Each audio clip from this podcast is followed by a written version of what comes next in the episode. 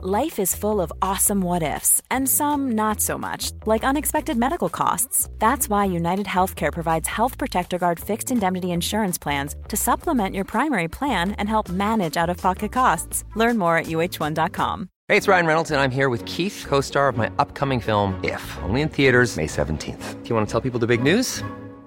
All right, I'll do it. Sign up now and you'll get unlimited for $15 a month in six months of Paramount Plus Essential Plan on us. Mintmobile.com slash switch. Upfront payment of $45 equivalent to $15 per month. Unlimited over 40 gigabytes per month. Face lower speeds. Videos at 480p. Active Mint customers by 531.24 get six months of Paramount Plus Essential Plan. Auto renews after six months. Offer ends May 31st, 2024. Separate Paramount Plus registration required. Terms and conditions apply if rated PG. Hallo, mijn naam is Gijs Groenteman en dit is weer een dag, de podcast waarin ik elke dag 12 minuten, ik houd bij me de kookwekker, bel met Marcel van Roosmalen.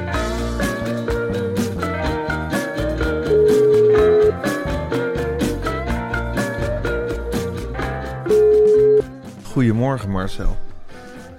Goedemorgen, Gijs. Ik weet niet, eh, ik ben echt.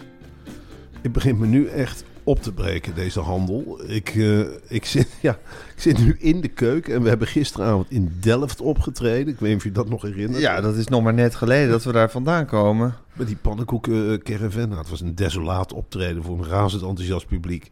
Maar ik heb dus, we hebben daar alle twee een, een in plastic eh, verpakte kaasschaal gegeten, gekregen. Gegeten. Ik zit nou die hele kaasschaal s'morgens leeg te happen. Een stuk brie. En ik heb hier nou zo'n, wat was dat gele voor kaas? Wat was dat? Lekkere kaas. Ja, lekkere kaas. Lekkere Echt, kaas. Brand New Day kaas, echt. Maar ik, eh, ja, ik zit er wel een beetje... eh, ik ben Doorheen. echt- ja, ik zit er echt wel doorheen. Het is gelukkig wel het einde van de week. Kunnen we even weer een paar dagen tot rust komen. Zeker. Opladen. Gewoon even een column voor Studio Sport schrijven. Nieuws blijven volgen. want- Het nieuws blijven volgen, want we moeten er bovenop zitten. We hebben zo meteen een rectificatie die we even moeten doen. Maar Zeker. eerst wil ik heel eventjes Brand New Day, Marcel. Wat een fantastische bank is dat. Je hebt gisteren de term Bourgondisch bankieren geïntroduceerd. Die had je van hun website gehaald. Ja, Maar wat een Bourgondische bank is Brand New Day, hè? ik, eh, ik hou het wat korter dan normaal. Ik zeg Brand New Day, Bourgondisch bankieren. En dan zeg ik eigenlijk alles mee. Ja, het is zo dat eh, ik zit momenteel heel erg met het probleem dat, je, dat ik ja, te veel geld heb eigenlijk. En dat ik niet moet weten of ik moet sparen of beleggen.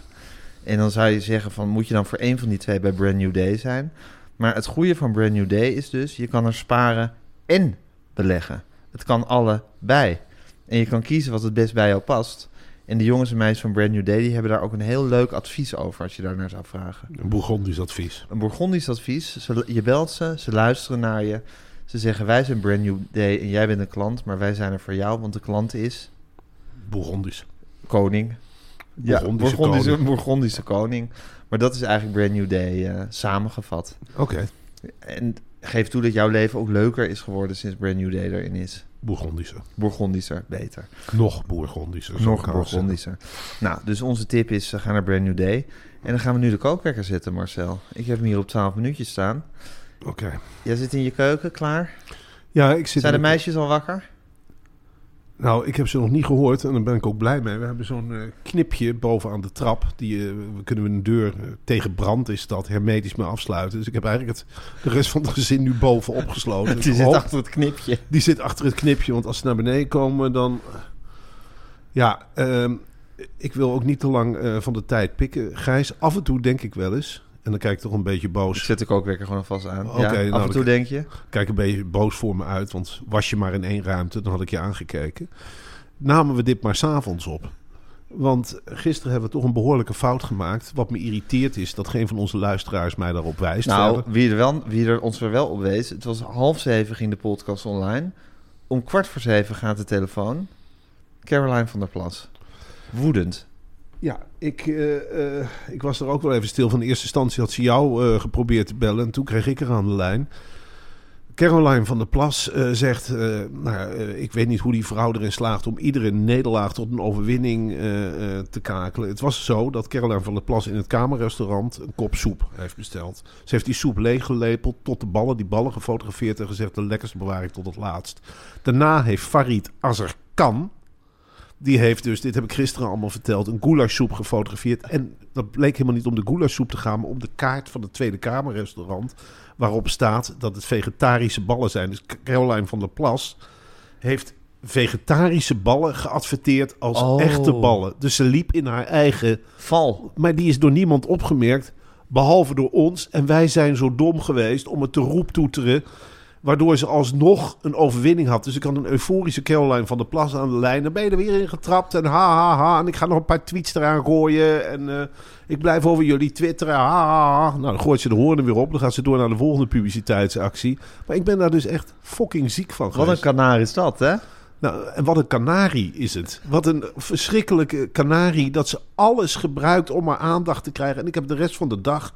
Ik denk, god, nou, niet vloeken. Nee. Eh, eh, eh, Pot voor drie. pot voor drie. Ik heb gedacht, nou, pot voor drie. En waarom valt niemand dit op? En waarom tuin ik daarin? Waarom bereiden we ons niet dusdanig voor dat je dit soort fouten niet maakt? En wat is het toch kloten dat je om zes uur opneemt Ja. en om half, half zeven online staat? Ja, precies. Het is dus voor mij een reden om het s'avonds te gaan het doen. is gewoon te vroeg voor goede research.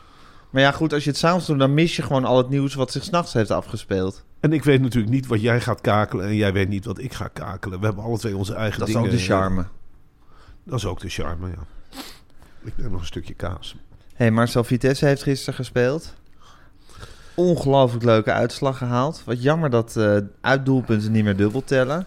Ik Maar zou, ik zou je vertellen, Gijs, ik stond toen met jou in, op Delft. een toneel in Delft. Een, voor een groep van 133 werkelijk uitzinnige Delftenaren die blij waren dat ze er weer eens uit mochten.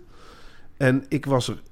Ik kon die wedstrijd nergens kijken. Niet op de radio, want als je Radio 1 eh, eh, aanzet. Nou, driemaal raden. Vitesse is begonnen met voetballen. Ik zet Radio 1 aan op de koptelefoon.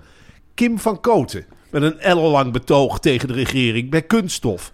Wat een lamoyant interview. Zeg, ik dacht dat dat een leuke vrouw was. Het laatste wat ik ervan gezien had, zat ze met een grote lepel op haar neus staan tegenover die andere acteur en lollig te doen. Maar nu was het regering dit, regering dat. Dat was en, Kim van Keken.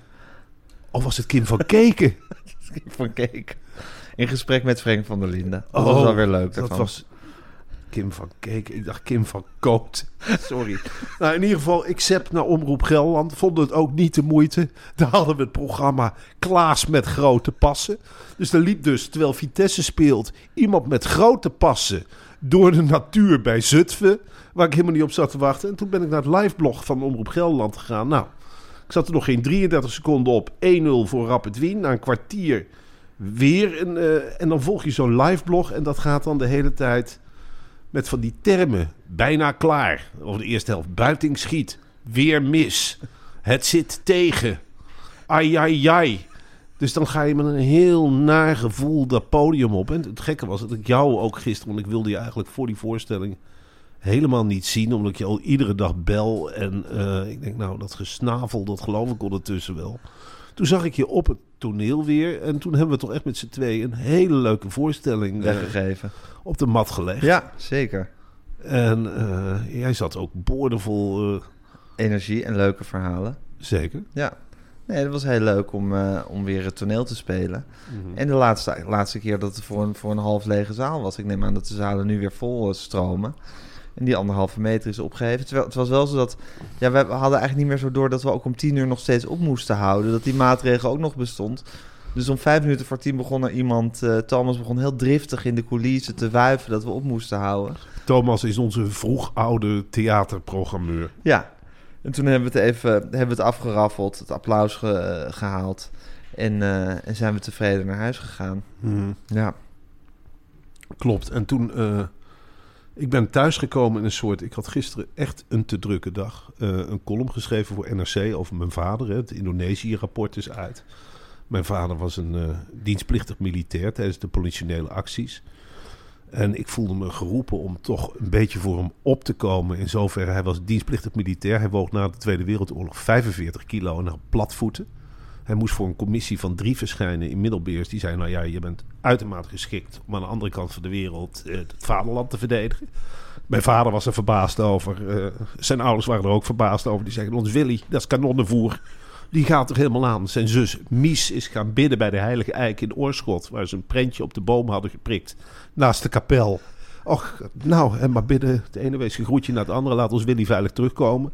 Mijn vader is een trainingskamp gegaan voor die politionele acties. Nou, dan zei ze van, nou, jij bent een zogenaamde slapjanus. En dat slapjanus, die waren te mager en die hadden platvoeten. En die kregen in plaats van een geweer een houten stok. En dit is niet gelogen, dus hij ging met een houten stok de oorlog in. Dat meen je niet. Ja, Hij is en- met een houten stok naar Indonesië gestuurd. Zeker. En eh, eh, op de boot, eh, met 6000 man op een boot. Halleluja zeg. En in elkaar geslagen door Amsterdammers en Rotterdammers. Heel veel Brabanders trof dan lot. Daar wordt niks over gezegd, maar dat is zo. Am- Brabanders waren vroeger een volk van, ja... De Randstedelingen hadden de hongerwinter meegemaakt. Nou, dat moest schijnbaar worden uitgerammeld bij de Brabanders. Bij de Evenaar heeft hij een eh buffet gekregen van Neptunus. Van, dat hing jarenlang nog bij ons op de overloop. Als hij over de Evenaar was geweest. Nou, hij komt aan. Hij kan dus zijn geweer niet tillen. Hij werd hospik. En nog niet eens een hospik waarvan je zegt... eh, nou, daar hadden we wat aan. Hij moest vooral gewonden uit de vrachtwagen tillen met een brancard. En eh, hij moest blaren doorprikken, want dat lees je nooit ergens. Maar heel veel Nederlandse militairen hadden zweetvoeten in de jungle. Ze wisten niet wat er overkwam. En dan moest je de blaren doorprikken. Dus, en daarna is hij op de een of andere manier na 18 maanden teruggekomen in Nederland. Werkelijk geen vliegkwaad gedaan, al had hij gewild, hij had niet gekund. Is op een open kar door Middelbeers gereden als held. Heeft daarna per post eens in de 15 jaar een medaille ontvangen voor bewezen diensten. En nou ja, goed, ik was wel blij dat in die verklaring van premier Rutte, daar heb ik dus een column over geschreven, Ja. ook stond dat eh, de individuele militairen geen blaam treft. Postuum dacht ik van, nou ja, oké. Ja, ja, Dus dus Nederland- kan ik leven met die schuldbekentenis. Nederland is, is zou maar zeggen, en masse als, als, als oorlogsmisdadig land uitgeroepen. Maar de Ja. individuele soldaten hebben geen schuld. Maar je vond toch dat je voor hem in de bres moest springen. Nou ja, omdat ik wel vind, kijk, eh, het, het individu mag nooit lijden onder de groep. En als je gewoon ook geen keuze hebt en je wordt gewoon verscheept, want daar kwam het op neer, ja. dan vind ik dat ook wel terecht dat dat wordt opgemerkt. Hey, en Marcel, was dat, was, die, was dat hele feit dat hij toch een veteraan was... Was dat een onderwerp van gesprek bij jullie thuis? Ging het daarover? Nou, amper, we waren niet geïnteresseerd in zijn verhalen. Wilde hij ze graag vertellen? Soms, want eens per jaar was er dan een herdenking van veteranen. Dat was altijd op een open veld ergens in de gemeente Reden. En naarmate hij ouder werd, werden die herdenkingen gek genoeg steeds verder weg. Op het laatst was het altijd uit in Roermond, waar het monument staat voor alle geval- gevallen Indië-veteranen. Dus ben ik nog met hem mee geweest, een paar maanden voor zijn dood. En daar stond een veld vol van mannen die allemaal precies hetzelfde waren als mijn vader. Dat, ik was op een zeker moment mijn vader kwijt. En ik had de hele tijd de neiging om hoi, hoi, hier ben ik te zeggen. Maar dat, ja, dat was dan identiek. Ze hadden ook allemaal van die ijzeren brillen. Dat montuur was toen heel erg in. Nou ja, nou dwaal ik af. Nou ja, ook weer niet echt, want het is wel je vader. En eh, voel je een soort compassie v- voor hem als je eraan denkt dat hij met zijn houten stok eh, naar, Indië, naar Nederlands-Indië werd gestuurd? enorm. Gewoon eh, dat, je, dat je ook denkt van ja... Als je die foto's ziet, dan snap je meteen gewoon een, een weerloos iemand die op een... eh, Op een schip wordt gezet. Die op een schip wordt gezet en wordt uitgeladen. En eh, ja, eh, ik bedoel, ja, natuurlijk voel ik eh, compassie met mijn vader. Ik voel me in die situatie eigenlijk eh, dichter bij hem dan, eh, dan in veel andere situaties. En doet zo'n rapportje dan nog wat? Nou, ik vond het, dat vond ik dus een prettige passage, dat dat erin stond. En voor de rest doet het me weinig. Interesseert het je? Ja, het interesseert me wel. Ik vind wel dat Nederland, ja, als iedereen dood is en dan de excuses aanbieden aan iedereen en alles. Het mag van mij altijd wel wat eerder met de excuses. Ik geloof dat we nou de Tweede Wereldoorlog nu werkelijk iedereen en zelfs de tweede, generatie, de tweede generatie op omvallen staat. En dan beginnen we excuses aan te bieden, heel ruimhartig. Maar ik, van mij mag dat wat eerder. Oké. En bijvoorbeeld Srebrenica, vind je dat we daar genoeg excuses voor hebben aangeboden? Nee. Ik vind dat we echt een verbod moeten krijgen als Nederland om ergens heen te gaan om vrede. Ik vind dat een overschatting van ons. Wij, zijn daar, we hebben geen legers die daartoe in staat zijn. Dat is ook een beetje een makkelijke manier van je om ervan af te maken. Ja, Gijs, dat is een beetje een makkelijke manier om er vanaf te maken om kwart voor zeven. Of om half zes, hoe laat is het? Sorry dat ik geen pankklaar antwoord heb, Gijs. En jij in de huiskamer schijnbaar wel. Nou, dan ga jij het lekker met Aaf betuttelen. En dan ga je het lekker op het toneel vertellen binnenkort in Den Haag of Rotterdam... of waar je dan allemaal met bestaat. Maar ik heb even geen pankklare oplossing klaar voor de wereldproblemen. Is dat heel goed? Zullen we het hebben over storm Eunice die eraan zit te komen? We kunnen vanmiddag... Ik vind dat die stormen zich zo snel op, op, opvolgen achter elkaar. Wat is dit? Is dit klimaatverandering? Ik, ik hoop het niet, want dan zit er nog heel veel aan te komen. Maar hoeveel, zo, zometeen zijn we door het hele alfabet heen en is het lente. Het is echt bizar. Mijn, ik, ik ben helemaal geïsoleerd morgen. Er vandaag er rijden geen treinen. Ik, ik kan niet met de trein weg. En de rijschool, eh, eh, inspecteur, wou ik zeggen, de rijschoolleraar heeft ook al op dit tijdstip, vond meneer het al nodig om een appje te sturen dat vanmiddag waarschijnlijk niet doorgaat. Want het waait. Alsof ik als automobilist straks in het grote woelige verkeer nooit eens een keer met een rukwind wordt Maar Marcel, heb je nog steeds autorijles? Ja, Ik wist helemaal niet dat dat nog speelde. Ach man, het is de- ik heb een spoedcursus twee jaar geleden begonnen met de ANWB. En dat is ongeveer gelijktijdig met corona. Heb je al twee jaar lang spoedcursus? Twee jaar lang spoedcursus. Het wordt de hele tijd afgeblazen en weet ik het allemaal niet. Dan heeft de school weer eh, corona. Dan mag het weer niet van de ANWB. Elke keer als ik theorie-examen had, nou, dan kon je er prat op gaan. Dat er weer een En je kwam net- van de overheid. Dat we niet met z'n allen in een hal En mochten dan, had je, zitten. en had je net we- weken zitten blokken. Ja, en wat, wat het ook is, ik bedoel, die rijexamens, die stapelen zich maar op. Ik ben pas over twee jaar aan de beurt, geloof ik. En ik wil het wel bijhouden, anders is het voor niks geweest. Ik rij als een zonnetje. God, ik heb zoveel dingen niet. Ik wilde nog zeggen van, als je goed wil investeren, had ik een idee. Brand new day. Nee, dat. Nee, ook. Ik dacht, als je nou slim bent, in één keer was het een brainwave. Koop je een huis in IJmuiden. Tata Steel. Nu is dat giftig gebied. Die huisjes kosten bijna niks. Maar dat wordt natuurlijk gecleand. En natuurlijk stijgt dat in waarde. Als je, als je slim bent, dan koop je daar nu een pand. Ja, zit je nou te lachen, man? Zo, Hoe kom je hier ineens bij? dat zat in één keer in mijn kop. Ik dacht, waar kun je nou nog winst behalen? Wat is nou vlakbij Amsterdam? Koop het in IJmuiden, mensen. Nou, maar als je het niet heel erg vindt, dan leg ik dit voor aan, aan, mijn, eh, aan mijn accountmanager bij Brand New Day. Die zal me misschien verder kunnen helpen. Ehm, ik wil morgen heel graag met je over de martelkamers. Of morgen, maandag, wil ik het heel graag met je over de martelkamers hebben. Eh, mo- eh, Storm Eunice steekt vandaag op. Dat is voor mij het moment om naar de Efteling te vertrekken. Serieus, Dus- ga jij naar de Ja, Efteling? een heel weekend lang. Ja, het zou mij niet verbazen als Langnek eindelijk een keer knakt met die rotzooi. Ik heb ook een keer in dat Efteling Hotel geslapen. Ik hoop voor je dat je niet de vergulde kamer hebt. Daar hebben wij wakker gelegen van die ezeltjes strek. Waar mijn dochters de hele tijd munten in gingen gooien. Dan poept die goudstukken. Ik word daar helemaal niet goed van. Maar wat leuk dat jij naar de Efteling gaat. Kan er wel af, hè? Ga je er een leuke dag... Kan er wel af, hè, Gijs? Ik zag jou gisteren ook door dat theater. Jij vindt het wel leuk, hè? Bekende Nederlandertje zijn. Of niet? Och, het was nog net geen opgeprikte kip. Zoals je door het theater liep. Oh, ik ben Gijs Groenteman. Oh. Nee, nee, iedere dag een podcast. Zeven podcast. Ga je er een leuke dag van maken, Marcel? Nou, we, gaan in ieder geval niet naar de Efteling. Maar ik wil dit weekend... Daar wil ik wel... eh, eh, Eva geeft cursussen op vrijdag. Schrijfcursussen. Ongelooflijk leuk. Maar op, in het weekend wil ik graag een een of andere optocht. Of ook iets... Misschien kom ik ook wel Een de Efteling. optocht in de storm. In Zou je dat leuk vinden als je door de Efteling liep en je kwam mij tegen? Dat zou ik heel leuk vinden. Kunnen we misschien een podcast opnemen? Marcel, ik spreek je maandag weer. Oké jongen, doeg. Doeg. Dit was een podcast van Meer van Dit. Wil je adverteren in deze podcast? Stuur dan een mailtje naar info@meervandit.nl. Hey, it's Paige DeSorbo from Giggly Squad. High quality fashion without the price tag. Say hello to Quince. I'm snagging high-end essentials like cozy cashmere sweaters, sleek leather jackets, fine jewelry, and so much more. With Quince being 50 to 80% less than similar brands. And they partner with factories that prioritize safe, ethical, and responsible manufacturing. I love that. Luxury quality within reach. Go to quince.com slash style to get free shipping and 365 day returns on your next order. Quince.com slash style.